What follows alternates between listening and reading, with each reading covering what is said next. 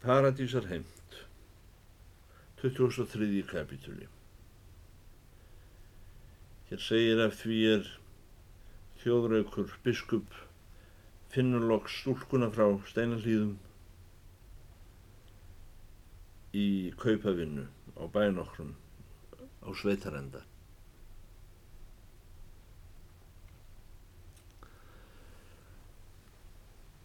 Þung ljáinn í reykjunni, segir biskupin, þegar hann hefur loks fundið stúlku að rakstri.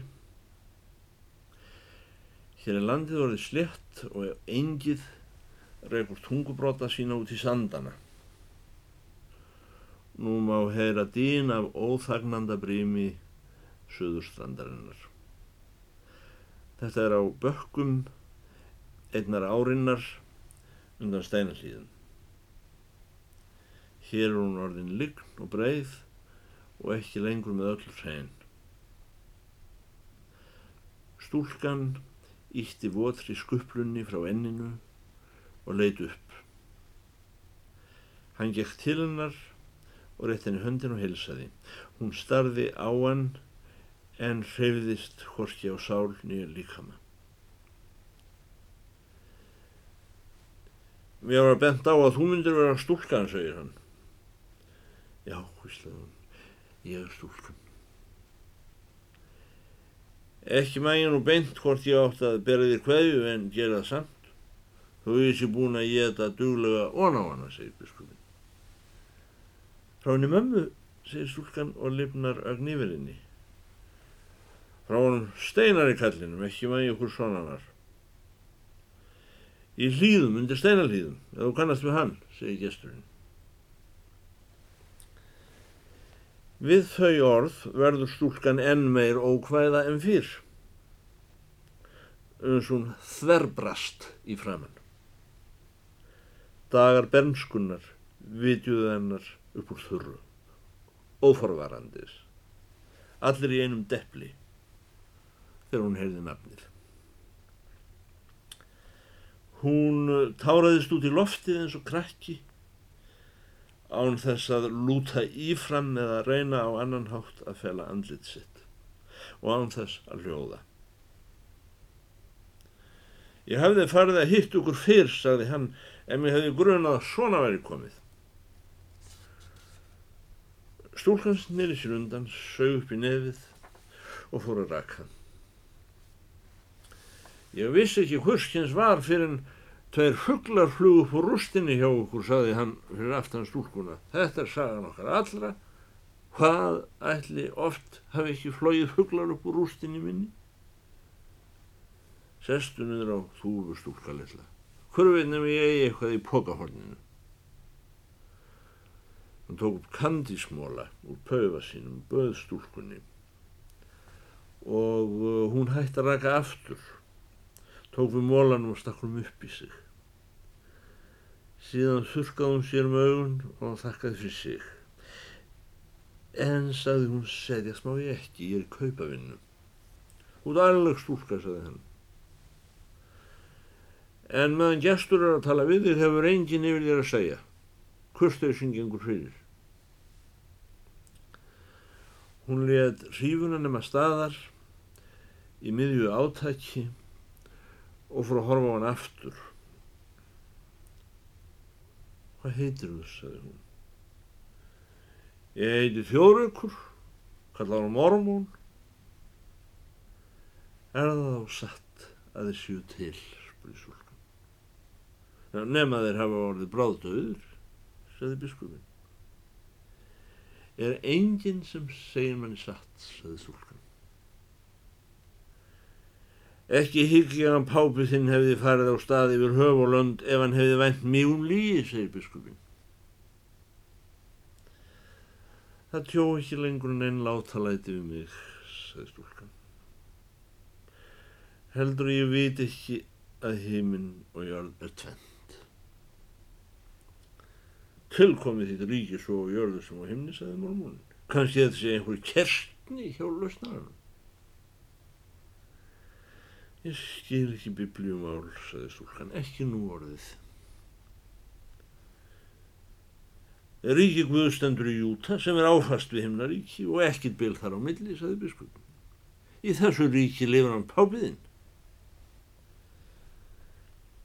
Annað hvort er hann til eða hann er ekki til, sagði stúlkan.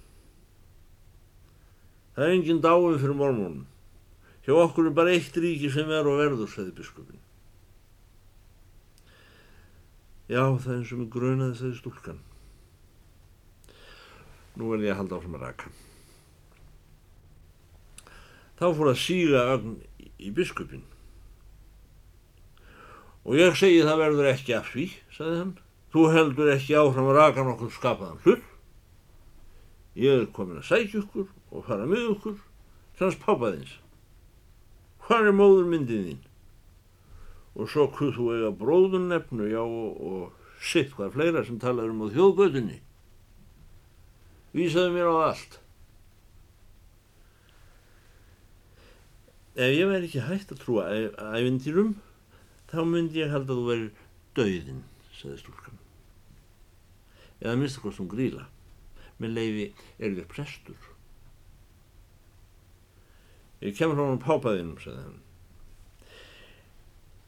Eru þér alveg vissum að þér hefði ekki færið mannavilt?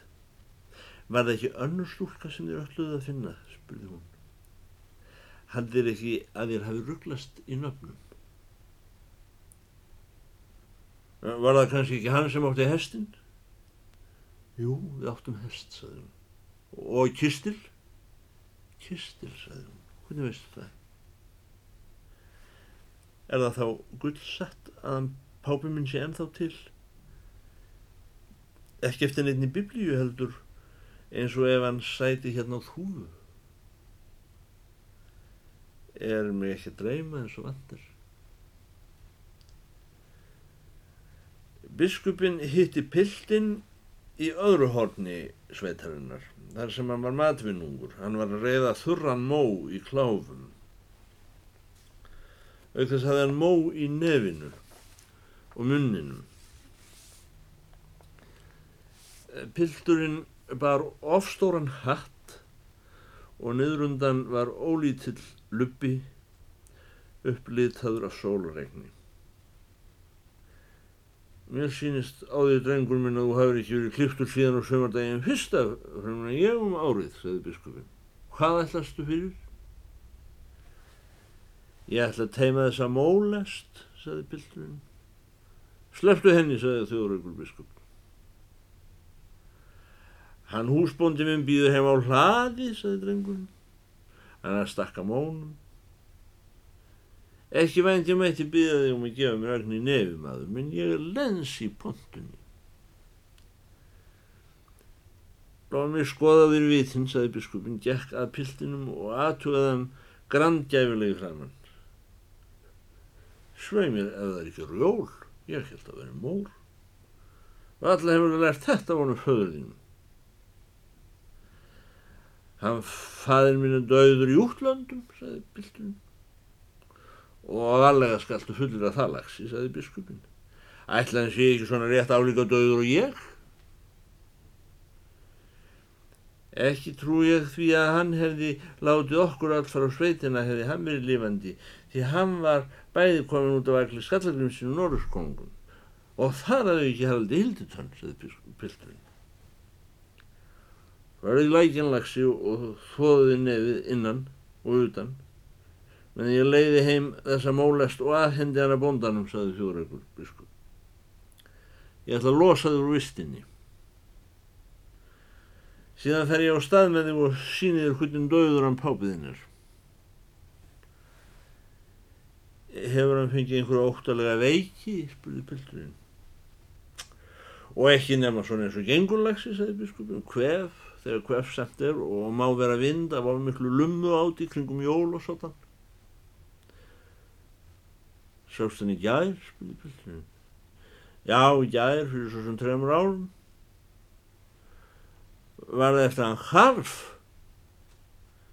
Ég hef ekki séð í hælan á honum, sagði biskupin. Var hann jarðaður, spurði drengurinn. Ekki það skipti drengurinn, hún svo oftir kunna hafa jarðað hann síðan. Drengurinn horfi fánalegu biskupin, tók á hann hattin og klóraði sér í höfðinu og var að sjóða fyrir sér hversu bregðast skildi við þessu nýmæli. Eitthvað held ég sé áreðanlega til í því að fæði mér sér döður, sagði hann á lókum. Þó eftir vil meira af þrjósku en samfæringarkrafti og horfi á eftir biskupnum hvar hann teimdi mólestina heim í kotið.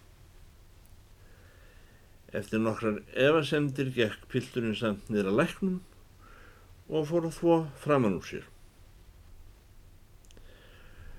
Kona steinar sér hlýðum fannst í kotin okkur, í afdölum. Þar heitir í götum. Hún var að amla ofana fyrir sér og dótturbarni sínu tveggja vetra sveini. Hún var orðin hilsu tæp lín til útíverka og var látin stella í bænum meðan hjónum voru á teig. Hún kom til dýra og leiti sveinin steinar yngra. Þjóðregur biskup helsaði konunni með handabandi og fór hann í vasa sinn eftir sigurkörtu handabarninu. Blessu hjónin mín er á teig, þó liði sér á, saði konan. Þau segjast vera hinum eigin við miðaftansvörðuna að berja handa presslampinu. Ég skal benda þér í áttina. Hvor er þú missus, segir hann. Ég er ekki, sagði konan. Við byggum í hlýðum undir hlýðunum. Kistu manni fyrir sigrið steinar minn. Ekkert kannast ég við þennan mann, bjóð ég þó lengi þjóðgötu, þú ert líklega austan. Og það er ekkert hálfverk á því, saði biskupin. Meira að segja svo langt að austan að það er orðið fyrir vestanattur. Það er mikið að blessaður maðurinn, saði konan. Ég er eins og hver annar niðursetningur og á ekki húsar áð. Þó held ég maðurinn minn sæli myndi hafa bóðið þér að hvíla lúim bein inn á bæli meðan þú værir að segja fréttinnar. Hefðan verið ofan moldar og í mínum spórum.